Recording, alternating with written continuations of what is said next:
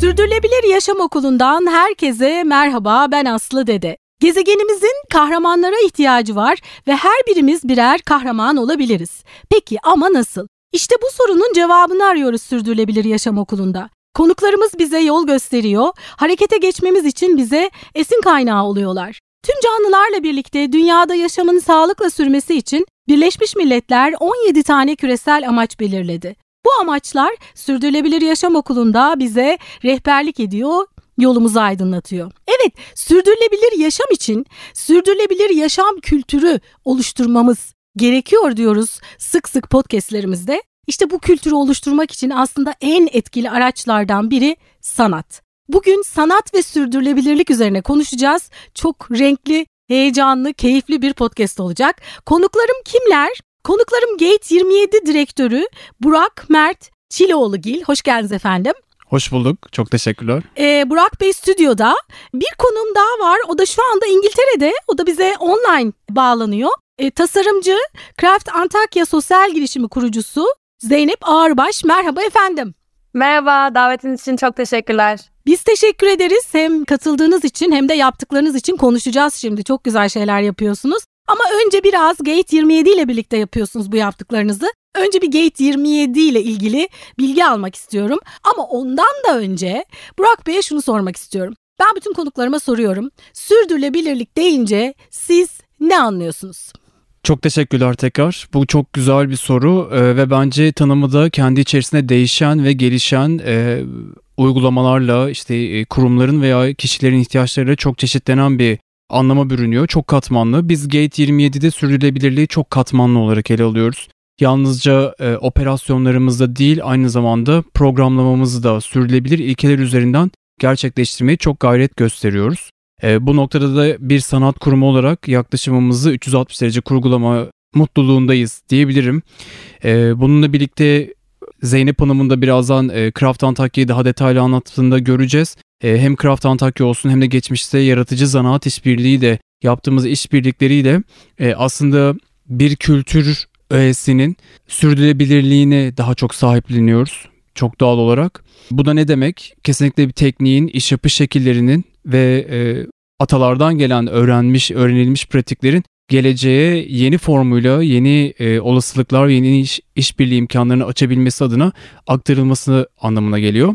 E, bu anlamda da ben aslında sürdürülebilirliği biraz daha metafizik anlamda ele alabilirim belki ama tüm canlı ve cansız varlıklarla bir arada yaşamanın ve üretmenin bir yolu olarak görüyoruz. Buradaki üretmeyi de yalnızca tüketilecek ürünlerin üretimi olarak düşünmeyelim. Az önce de bahsettiğim gibi bu yeni işbirliklerin oluşturulması, yeni bilgilerin, yeni tekniklerin güncellenmesi ve aktarılması e, üretimi, üretimden kastettiğim şeyi oluşturuyor aslında. Evet, peki şimdi Gate 27 sanat ve sürdürülebilirlik ilkelerini buluşturuyor. E, bu buluşma nasıl oluyor? Biraz daha detayına e, girelim yavaş yavaş. E, sizin kuruluş amacınızı, ne zaman kurulduğunuzu merak ediyoruz. Bir de Gate 27 ne demek? Çok güzel bir soru. evet. ee, en önce en eğlenceli taraftan başlayalım. Gate 27 Türkçe çevirdiğimizde kapı 27. 27 numaralı kapı gerçekten de kapı numaramız 27. Aslında ismimiz de buradan geliyor. Gate 27 2019 yılında Sayın Melisa Sabancı Tapan kurdu. Kendisinin e, kalkınma eğitimi sırasında Columbia Üniversitesi'nde çok farklı sanatçı, konuk sanatçı programlarını ziyaret etme şansı olmuş. Çok doğal olarak aldığı eğitimde bir kalkınma e, olduğu için kültür ve sanatı biraz daha kalkınma hedefleriyle bir araya getirecek ve e, bir kolaylaştırıcı rolü üstlenecek bir mekan yaratma ihtiyacındaymış ki bence çok da güzel olmuş. E, bence ülkemizde e, oldukça önemli bir açığı doldurduğunu düşünüyorum Gate 27'nin hazırladığı programlar ve içeriği anlamında. Ee, biz de ne yapıyoruz Gate 27'de? Biz e, farklı pratiklerin araştırma ve üretim süreçlerini desteklemeye ve disiplinler arası, etkileşim için yeni olasılıklar ve olanaklar yaratmaya çalışıyoruz. Bu ne demek? Böyle çok havada kalan ve kavramların uçuştuğu evet. bir söylem oldu. Anlayabileceğimiz şekilde. Evet. Ee, bir yıl içerisinde bir program dahilinde e, özellikle İstanbul'a yabancı diyeyim. Yalnızca e, Türkiye'nin dışındaki sanatçıları değil, İstanbul'un dışında yetişen sanatçılar için de aynısı geçerli.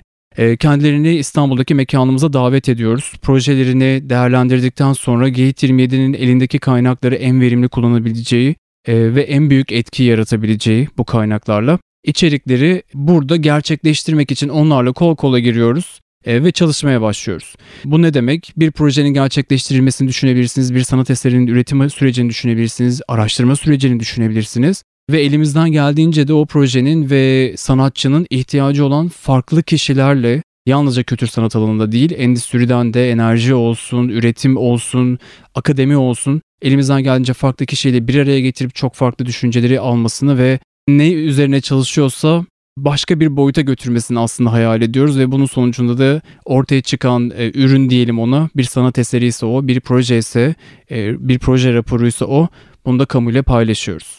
Şimdi aslında bir sanatçı için sanki hani su ihtiyacını karşılıyorsun. Hani bir insanın insan için su ne kadar önemliyse bir sanatçı için en büyük hayalini gerçekleştiriyorsunuz değil mi? Yani hayalini gerçekleştirmek için al sana her şey elinde hazır. Ee, hadi bakalım diyorsunuz. Ne kadar güzel. Bu güzel bir benzetme oldu. Çok teşekkürler. Bunu duymak da açıkçası iyi geldi. Ee, tabii hani su çok hayati e, elbette ki konuk sanatçı programları artık çok önemli bir rol oynuyor. Çünkü sanatın üretimi müzelerden veya galerilerden veya işte sanatçılara verilen özel sipariş e, üretimlerden çıkmaya başladı. Olabildiğince kültürel etkileşimin ve değişimin yaşanabilmesi için bu konuk sanatçı programları sanıyorum herhalde son 40 yıldır inanılmaz derecede popüler, yaygınlaşmaya devam ediyor ve bence etmeye de ihtiyacı var.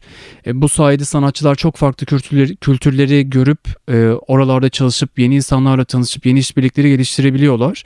Elbette ki her projenin ihtiyacına göre bir su oluyor muyuz? Bundan çok emin değilim ama bazı projelere gerçekten çok güzel etkiler ve katkılar yaptığımızı düşünüyorum. Yani ben şundan dolayı da benzettim. Hani bir sanatçının kendini ifade etmesi aslında e, çok hayati bir şey belki de. O yüzden gerçekten çok güzel bir şey yapıyorsunuz. Tekrar hem tebrik ediyorum hem teşekkür ediyorum. Şimdi Gate 27 sanatçı ve proje seçerken nasıl ilerliyor? Kriterleri neler? Şimdi çok güzel bir şey yapıyorsunuz. Bir sürü e, hayalini gerçekleştirmek isteyen sanatçı var. Siz nasıl seçiyorsunuz projeleri ve sanatçıları? Evet.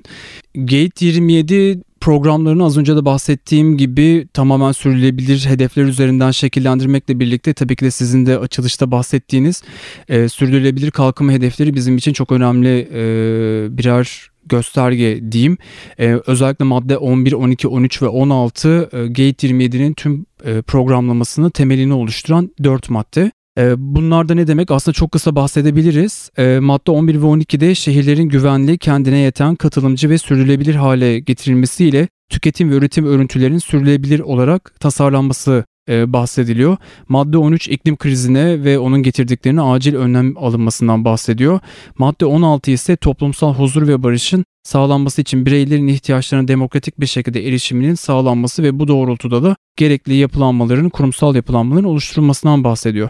Ee, biz bu dört maddenin ışığında bize gelen başvuruları veya dönem dönem uzun süredir çalışmalarını takip ettiğimiz bazı profesyoneller, sanatçılar, küratörler, araştırmacılar oluyor. Dönem dönem onları da davet edebiliyoruz veya başvurular içerisinden bu projeleri öncelikle bu değerlerle örtüşüp örtüşmediğine göre bir değerlendirme sürecini hı hı. alıyoruz. E, ardından tabii ki de e, bir jürimiz var. Bir shortlist hazırlandıktan sonra bunu ilk shortlist diyelim. Jürimiz oluşturduğumuz bu kısa listeyi değerlendiriyor ve e, her biri Gate'in o projeye nasıl katkı yapacağına dair e, belirli kriterlerde puan veriyor. E, bu da ne demek? E, Gate yeni insanlarla bu projeyi bir araya getirebilir mi? Gate elindeki kaynaklarla en üst etki yaratabilir mi? Bu projenin çıktısı toplumsal, çevresel, sosyal veya ekonomik bir fayda yaratıyor mu? Gibi ana kriterlere göre değerlendiriyoruz ve en sonunda artık e, programımızı oluşturmaya çok yaklaşıyoruz. Sanatçılara da kabul mektubumuzu gönderdikten sonra aslında ilk etap başlamış oluyor. Ve ee, onlar da acayip çok mutlu oluyorlar, heyecanlanıyorlar. Evet, güzel Sonra dönüşler alıyoruz. çalışmaya başlanıyor. Sonra projelerini e, gerçekleştiriyorlar ve ardından da sergileniyor değil mi? Evet yani aslında bir konuk sanatçı sürecinin sonunda biz illa bitmiş bir proje ya da illa bitmiş bir eser görme ihtiyacında değiliz. Biterse ne kadar güzel çünkü onu gösterecek, anlatacak ve daha çok paylaşacak imkanımız oluyor. Ama bazı konuklarımız daha çok araştırma odaklı geliyor. Dolayısıyla onların da burada geçirdikleri süreyi 4 ya da 12 hafta kadarlık bir süreden bahsediyorum bu geçirdikleri süreyi en verimli bir şekilde geçirebilmeleri bizim için önemli. Eğer gösterebileceğimiz bir eser, sergileyebileceğimiz bir çalışma yoksa E, olabildiğince söyleşiler veya farklı kamusal programlarla e, konuklarımızın yine projelerini anlatmalarını ve olabildiğince çok insana duyurmaları için çalışıyoruz. Peki jüri dediniz, danışmanlar dediniz. Belki biraz onların da altını çizebiliriz. Tabii önce danışma kurulumuzdan bahsedeyim aslında. E, Gate 27'nin birbirinden kıymetli e, üyelerinden oluşan bir danışma kurulumuz var. Hepimizin e, yakından tanıdığı kültür sanat sektörünün sadece ülkemizde değil bence dünyada da e, çok önemli bir figürü Sayın Beral Madra danışma kurulumuzda. Aynı zamanda Gate 27'nin de sanatsal danışmanlığını üstleniyor. Bununla birlikte Sabancı Müzesi Müdürü Sayın Nazan Ölçer danışma kurulumuzda. Sabancı Üniversitesi'nde öğretim üyesi olarak çalışan Sayın Selçuk Artut ve Sayın Ahu Antmen de danışma kurulumuzun diğer üyeleri. Elbette ki danışma kurulu deyince aklımızdaki tüm soruları, stratejimizi, kimleri davet edeceğimizi ve niye davet edeceğimizi sürekli olarak bir araya gelip konuşuyoruz. Ee, ve Gate 27'nin misyonunu ve vizyonunu güncel tutmak için bize çok yardımcı oluyorlar. Kendilerine tekrar bir teşekkür etmek isterim bu vesileyle sanatçı değerlendirme ya da onlara proje değerlendirme diyelim. Konuk başvuruların değerlendirmesinde ise her sene bir jürimiz oluyor. Bu jüri değişiyor. E, mutlaka Gate'den bir temsilci olmakla birlikte en az 3 üye ya da 4 üyeyi dışarıdan davet ediyoruz ve farklı perspektiflerle projelerin değerlendirmesini sağlıyoruz. Çok güzel. Sanat gerçekten hani müzikte de bu böyle. Ee, bizim böyle uzun uzun e, anlattığımız, saatlerce anlattığımız şeyi böyle bir dakikada, üç dakikada ilk görüşte birdenbire böyle anlatı veriyor. Gerçekten o yüzden sanatın gücü özellikle sürdürülebilirlikte mutlaka kullanılması gereken bir güç bence. E, şimdi burada biraz bir bölüp diğer konuğuma geçmek istiyorum. Sonra devam ederiz Gate 27 ile ilgili. E, Zeynep Hanım hala orada mısınız? Evet buradayım. evet Zeynep Hanım sizin de sürdürülebilirlik tanımınızı merak ediyorum. Siz bir tasarımcı olarak tabii sürdürülebilir moda deyince ne anlamalıyız onu da ardından sizden rica ediyorum. Ve Craft e, Antakya Sosyal Girişim Projesi fikri sizde nasıl oluştu? Gate 27 ile nasıl buluştunuz? Bizi anlatır mısınız? Tabii ki. Ee, Burak Bey çok güzel anlattı aslında sürdürülebilirliği. Ee, bunu farklı açılardan, farklı katmanlardan bakmamız gerekiyor. Ama ben bir tasarımcı olarak sürdürülebilirlik ne diye cevaplayacak olursam e, benim için sürdürülebilirlik ürünün üretim sürecinden son kullanıcı aşamasına kadar e, karşılaşan zorlukları çözme ve uzun vadeli sonuçları e, düşünme anlamına gelir aslında. E, bu alanda sürekli olarak araştırmalar yaparak ve inovasyonları kullanarak da e, sürdürülebilirlik adına anlamlı adımlar atabileceğimizi düşünüyorum. E, bunu açmak için e, şöyle örnekler verebilirim. Mesela bir ürün tasarlandığında ömrünü nasıl uzatabileceğimizi düşünmemiz önemlidir. Çünkü e, ürün kullanımının sona ermesiyle birlikte ortadan kaybolmaz. Bunun dışında ürünün geri dönüştürülmesi için hangi malzemelerin kullanılması gerektiğini veya başka bir amaç için dönüştürerek hayata tekrar kazandırabileceğimizi düşünmeliyiz. E, bütünsel bir yaklaşım benimseyerek e, ürünün nerede ve nasıl üretildiğini, kaç kişinin emeği olduğunu, e, üretim için harcanan zaman ve tüketiciye ulaşana kadar geçen mesafe gibi soruların e, cevaplarını bilmemiz gerekir aslında. E, bu sorulara cevap vererek de ürünler bilinçli bir şekilde tasarlandığında ve üretildiğinde e, sürdürülebilirlik değerlerine yaklaşabileceğimize inanıyorum. E, sürdürülebilirlik modadan bahsedecek olursam e, aslında moda e, giyim üretimini, tasarımını ve tüketimini gerçekleştirirken e, olumsuz çevresel ve sosyal etkileri olabildiğince azaltmayı amaçlayan bütüncül bir yaklaşım. E, bu çevre dostu malzemeler kullanmayı, atığı azaltmayı, e, etik uygulamaları, sorumlu tüketici davranışlarını teşvik etmeyi içeriyor. Böylece daha sorumlu bir moda endüstrisi oluşuyor. Sürdürülebilir modada e, döngüsel ekonomi çok büyük önem taşıyor tabii ki. E, geleneksel ekonomi modeli lineer yapıda yani satın al, kullan ve at üzerinde kurulmuş. Bu geleneksel metodun doğal kaynakların limiti yokmuş gibi kullanılması ve aslında aşırı tüketim olduğu için e, maalesef atık fazlalığı çok var. E, aslında son zamanlarda bu konuya karşılık döngüsel ekonomi konusu çok gündeme geliyor. Peki döngüsel ekonomi ne? E, döngüsel ekonomi hem atığın geri dönüştürülmesine odaklanıyor hem de doğal kaynakları yerine ne kullanabileceğini araştıran bir yaklaşım. Bu yaklaşımın birkaç çözümü bulunuyor. En yaygın da şu an aslında geri dönüşüm. Geri dönüşüm ekonomisi atın tamamen kullanılma fikrine odaklanıyor ve ürün tasarımlarında bir sonraki kullanım döngüsünde e, göz önünde bulunduruyor. Ben biraz aslında tasarımcı kısmından anlattım. E, biraz da tüketici gözünden bakmak e, isterim. Tüketici olarak da e, bize çok büyük bir sorumluluk düşüyor aslında. E, ilk önce hızlı tüketim alışkanlıklarını sorgulamamız gerekiyor. Dediğim gibi şu ana kadar hep bu lineer açıdan tükettiğimiz için sadece al ve at şeklinde e, bir alışveriş gerçekleşiyor. Oysa ki tüketiciler olarak ürünün atığa dönüştürmeden önce neler yapabileceğimizi düşünmemiz e, ve sorumluluk almamız gerekiyor. Her tüketici bir ürün almadan e, içeriğine bakmalı. Mesela eğer kumaş %100 doğal liflerden yapılmış ve son, sentetik işlemler içermiyorsa kompostlanabilir. Yani siz bir üst aldığınızda bu üst pamuk ya da ketense bu doğada çözünebilir aslında ve toprağa geri dönebilir. Ama sentetik bir üst aldığınızda e, polyester gibi doğal liflerin aksine biyolojik olarak parçalanamaz. Yani yüzlerce yıl boyunca çevrede varlığını sürdürür ve maalesef çöplükte bir kirlilik oluşturur. Yani sentetik liflerin geri dönüştürülmesi de karmaşık olduğu için olabildiğince aslında e, doğal e, kumaşlara yönelmemiz gerekiyor. Bunun gibi birçok kararımız aslında çevreyi etkileyebiliyor. O yüzden sürdürülebilir modada bilinçli üretim olduğu kadar bilinçli tüketimde çok çok önem taşıyor. Zeynep Hanım etiket okuyalım diyoruz biz her zaman. Aldığınız her ürünün mutlaka etiketini okuyun. Ben de üzerime bir şey alacağım zaman mutlaka e, çıkarıp etiketini şöyle içine açıp bir etiketine mutlaka bakıyorum. Biraz küçük yazıyor bazen çok silik yazıyor evet. ama mümkün olduğu kadar etikete bakın diyoruz. Evet şimdi biraz da bu Craft Antakya e, girişimine geçelim şimdi isterseniz. Bu fikir sizde nasıl oluştu? Gate 27 ile nasıl buluştunuz merak ediyoruz. Tabii ki. E, 6 Şubat depremi meydana geldiğinde ben Londra'da tekstil tasarımcısı olarak çalışıyordum. E, hem bölgeye uzak olmak hem de aslında elim kolum bağlıymış gibi oturmak beni kendi açımdan çok büyük bir hayal kırıklığına uğrattı. E, hemen bu psikolojiden çıkıp e, gerçekten işe yarayacak bir şeyler yapmam gerektiğini biliyordum. Hatay'la ilk tanışmam benim üniversitede Londra'da Central St. Martin'te tekstil tasarımı okurken olmuştu. E, benim lise zamanından beri zanaate e, çok büyük bir ilgim var ve hayatını tek bir zanaate adamış olan ustalara da çok büyük bir saygı duyuyorum. E, Türkiye'de farklı bölgelere giderek o bölgeye özgü zanaatleri ustalarından öğrendim ve üniversitede de Türk zanaatkarlarıyla işbirlikleri yapmaya devam ettim. E, birinci sınıfta Hatay'da çok sevdiğim iki dokuma üreticisinin ürünlerini alıp e, projelerimde kullanmıştım İpek dokumalarını. Hem öğretmenlerime hem de arkadaşlarıma Hatay İpek'ini tanıtmıştım aslında. Depremden sonra da hemen bu Antakyalı üreticilerime ulaştım ve nasılsınız, sizin için ne yapabilirim diye e, sordum. Onlar da e, maalesef dükkanlarını ve atölyelerinin çok büyük hasar gördüğünü ama enkaz altından her biri 10 bine yakın ipek, şal ve pamuk peştemal kurtarabildiğini söylediler. Ve aslında hemen bu stoğu satıp atölyelerini tekrar kurup dede mesleklerine devam etmek istediklerini söylediler. Ee, burada tabii başka bir büyük bir problem de bu atölyelerde çalışan dokumacıların, diğer zanaatkarların da işsiz kalmasıydı. Ve bu konuşmadan sonra aslında nesillerdir devam eden Hatay'a özgü bu zanaatlerin kaybolma riskinin ortaya çıktığında fark ettim. Bu da beni çok korkuttu aslında ee, ve bu noktada da Craft Antakya fikri ortaya çıktı.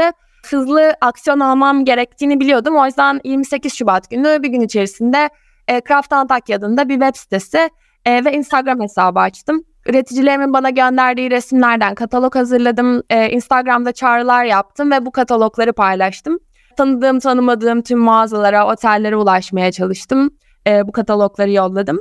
Ve ilk satışımı İngiltere'de Tak adlı bir kişisel bakım markasına yaptım. Sonra da İstanbul'dan talepler gelince kendimi Hatay'da buldum. Ee, burada çok değerli zanaatkarlarla tanıştım. Beraber bu siparişleri topladık, kargoladık ve aslında iki üreticiyle başladım bu yolculuğa. Bugün 15 üreticiyle devam ediyorum. Ee, Craft Antakya aslında yerel üreticinin ihtiyaç duyduğu tüm bağlantı ve iletişim kanallarını kuruyor.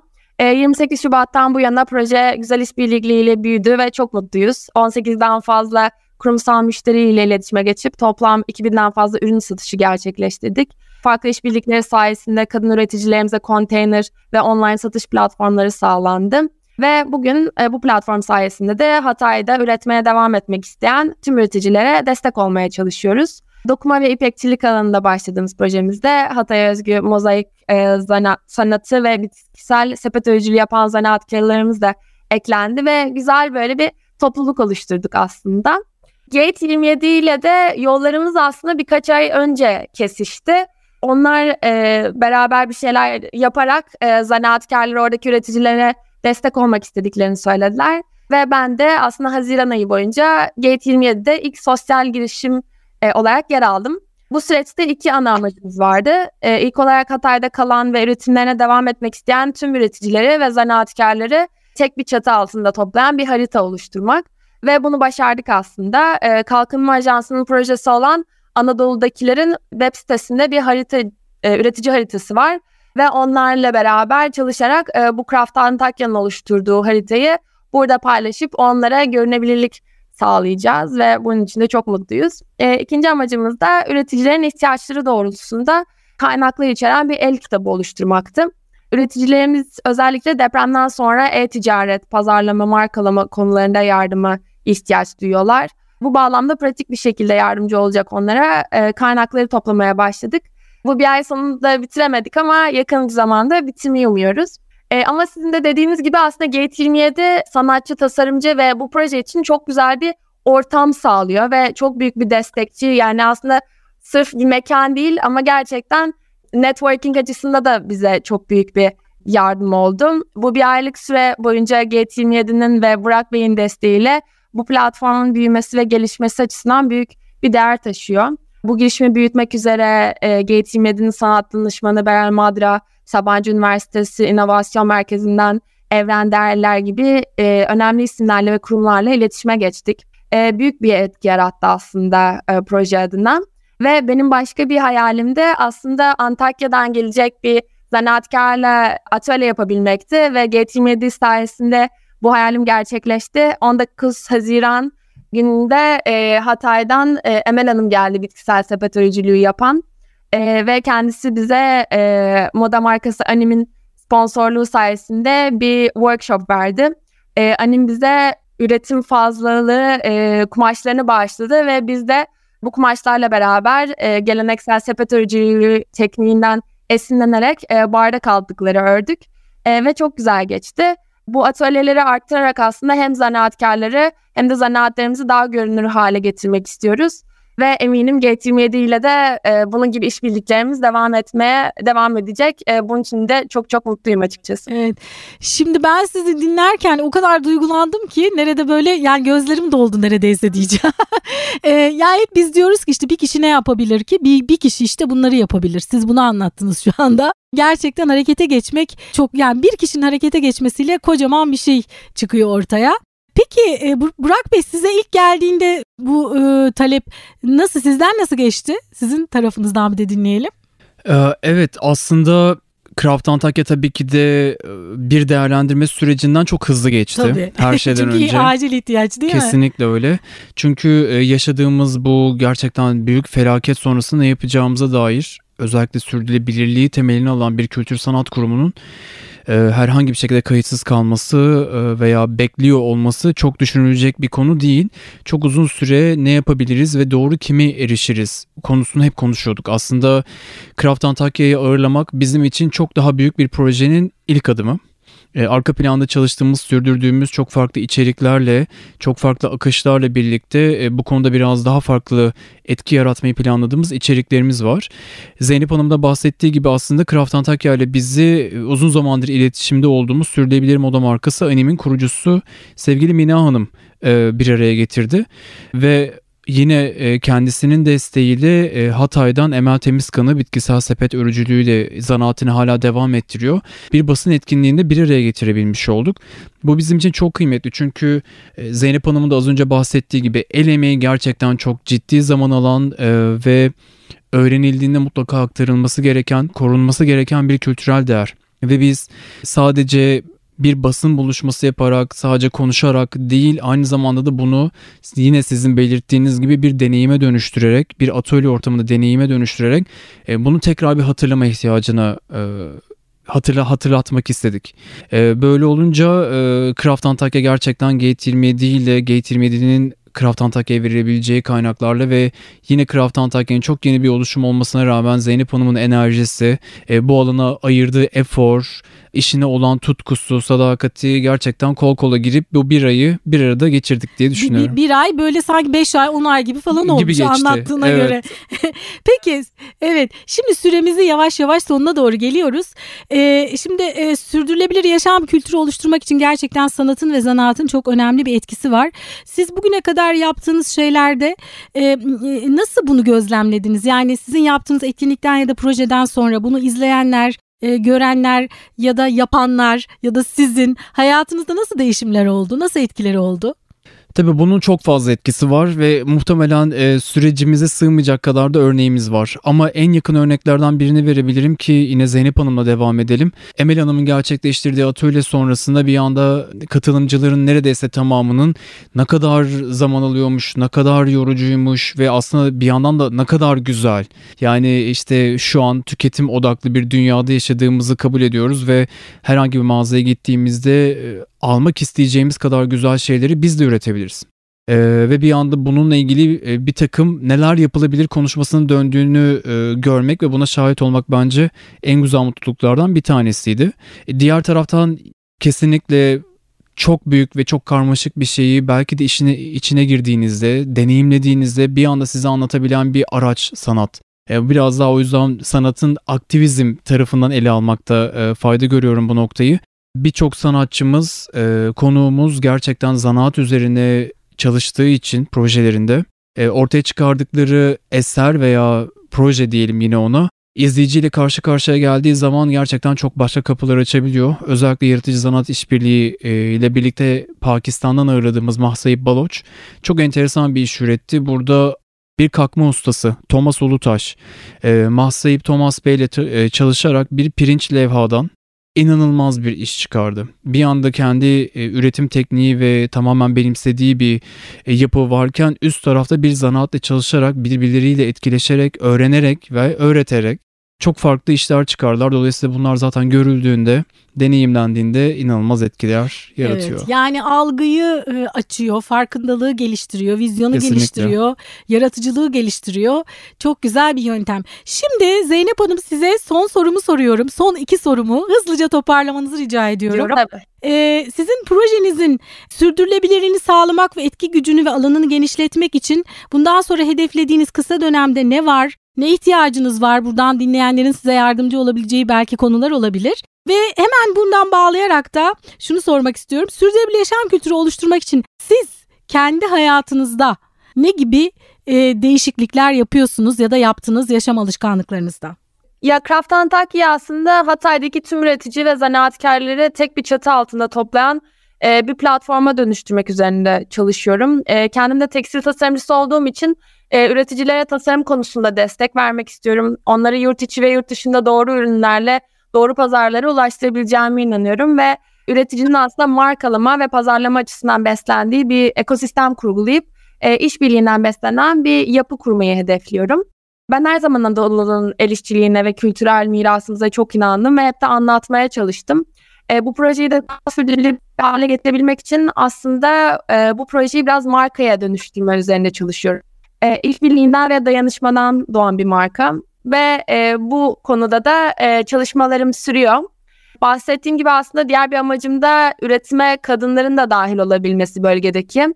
Bu yüzden bu tasarımların dikilmesinde yardımcı olacak ve yaratımına dahil olacak bölgedeki kadın kooperatifleri ve derneklerini de ziyaret edip iletişime geçiyoruz. E, haftaya tekrar Hatay'a gidip e, kumaş seçeceğim e, ve bu marka konusunda çalışmaya devam edeceğim.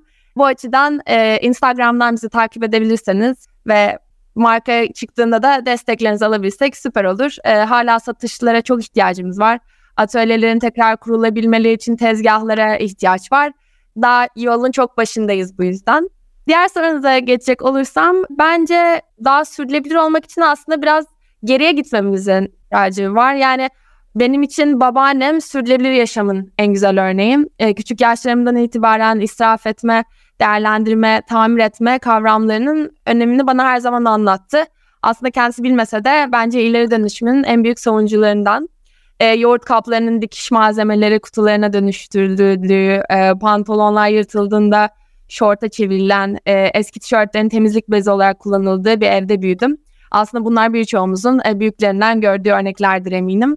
E, ben de babaannemden öğrendiklerimi kendi gardırobuma uyarlıyorum. Bir şey e, delindiğinde tamir ediyorum. Arkadaşlarıma öğretiyorum.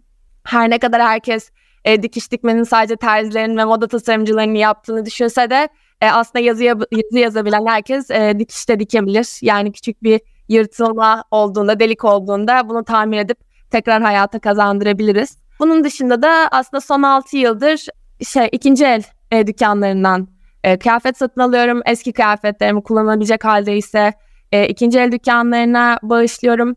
E, İngiltere'de yaşadığım için burada e, charity shop diye e, bir şey var. Hayır kurumlarının e, ikinci el dükkanları. E, buraya kıyafetlerinizi bağışlıyorsunuz ve bu kıyafetler satıldığında e, hayır kurumlarına gidiyorum. Çok çok güzel bir şey aslında. İstanbul'da da bu ikinci el dükkanları artmaya başladı. Bence bunun yaygınlaşması çok çok önemli. Diğer bir noktada aslında bence e, sizin de dediğiniz gibi e, bilinçli bir tüketici olmak. Nereden, nerede yapıldığını, içeriğine bakmak, etiketine bakmak almadan önce ve biraz da meraklı olmak aslında. E, sonuçta bir ürün aldığınızda bu kıyafette bir bağ kuruyorsunuz. Bu kıyafetin siz almadan önce hikayesini de bilmek güzel oluyor. Bu kıyafeti, bu kıyafeti aldığınız marka mesela nerede üretim yapıyor? Çalışanlarına adil davranıyor mu? Kadın istihdamına önem veriyor mu? Doğal boya mı kullanıyor gibi değerlerini bilmek bence çok güzel. Her ne kadar alışveriş hızlı gerçekleşen bir aktivite olsa da bence e, biraz bu sürece zaman katıp daha anlamlı tüketim yapabiliriz. Tekrar İstanbul'da çok güzel bunun örnekleri var. Bu tip markalar var. İşte Bego Jeans mesela çok e, çevreye, doğaya ve insana e, saygılı üretim yapan bir e, denim markası. Bunun dışında One Square Meter diye e, siparişe özel kıyafet yapan e, bir marka var. Bence bu çok özel. E, bir sipariş verdiğinizde sırf sizin için bir kıyafet dikiliyor ve o size ait oluyor. Bunun gibi aslında e, büyük markalardan almaktansa daha bağımsız değerli değerleri e, göz önünde bulunduran hikayeli kıyafetler almak e, çok önemli. Ben aslında bunları öneririm. O kadar güzel anlatıyorsunuz ki kalbim böyle pır pır pır ederek sizi dinliyorum. çok güzel anlattınız. Çok teşekkür ediyorum. Ben de sık sık anneannemi çok yad ediyorum. O yoğurt kapları bizde ben benim için de bende de anıları var yoğurt kaplarının. Ee, o yüzden sizi dinlerken daha da etkilendim.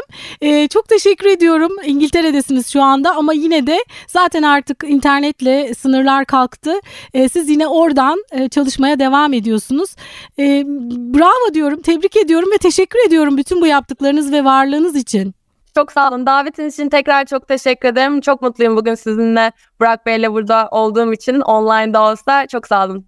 İnanın ben de çok mutluyum. Şimdi siz göremiyorsunuz ama burada görüyor Burak Bey ne kadar mutlu olduğumu. Hepimiz gülümsüyoruz şu evet, an. Evet evet gerçekten yüreğimize dokundunuz. Çok teşekkür ediyorum. Burak Bey sizin size de artık bunun üstüne aslında bir şey söylemek istemiyorum. O kadar güzel bağladık konuyu ama e, siz sürdürülebilir yaşamla ilgili kendi e, yaşamınızda değiştirdiğiniz alışkanlıklar var mı? Zeynep Hanım o kadar güzel özetledi ki. Yani Gerçekten bilmiyorum öyle. eklenecek bir şey kaldı mı? Kalmadı. Ama ben de çok kısa bahsedeyim madem bu bir gelenek olmuş. Evet. E, çok uzun zamandır ben de etiket okuyorum. Aldığım şeylerin ne olduğuna dair elimden geldiğince ben de e, polyester tarzı şeyler almamaya ve giymemeye özen gösteriyorum. Sağlığınız için de iyi değil. Kesinlikle. Hı. E, şeye baktığım zaman aslında bu soruyu ilk duyduğumda şöyle bir kafamdan geçirdim. En çok ne alıyorum? Muhtemelen bir yiyecek, içecek ve bir de kıyafet. Kıyafette en azından zamansız şeyler almaya başladım e, ve çok daha uzun süre giymeyi e, amaçlıyorum böylelikle. Diğer taraftan da yiyecek içecek tarafında o kadar çok çöp çıkardığımı fark ettim ki çok uzun zamandır zaten çöplerimi ayrıştırıyorum dönüşüm için. E, onun da yetmediğini fark ettim. Elimden geldiğince her yere e, mag ve şeyler işte bardaklar ve bez çantalar taşıyarak market alışverişlerine kadar neyi ne kadar indirebilirim? Tabii bireysel anlamda bunlar biraz küçük şeyler ama yine de bir fark yarattığını düşünüyorum. Çok teşekkür ediyorum. Çok harika, çok keyifli bir podcast oldu. Ben çok mutluyum. Biz teşekkür ederiz. çok çok sağ olun davetiniz için. Evet bir bölümün daha sonuna geldik. Bugün e, sürdürülebilir moda konuştuk. Sanat ve sürdürülebilirlik konuştuk. Bize nasıl ulaşabilirsiniz? Sosyal medyadan Sürdürülebilir Yaşam Okulu yazarak ya da sürdürülebiliryaşamokulu.com adresinden bize ulaşmanız mümkün. Craft Antakya'ya da ulaşmayı bu arada unutmayın. e, sosyal medyadan ve internet siteniz de var değil mi Zeynep Hanım? Evet, craftantakya.com. Com'dan. Evet. Evet ben Aslı Dede bir sonraki bölümde buluşmak üzere demeden önce başta ne söylemiştik? Tüm canlılarla birlikte dünyada yaşamın sağlıkla sürmesi için gezegenimizin kahramanlara ihtiyacı var. Tıpkı Zeynep Hanım olduğu gibi. Ve o kahraman sen olabilirsin. Harekete geç.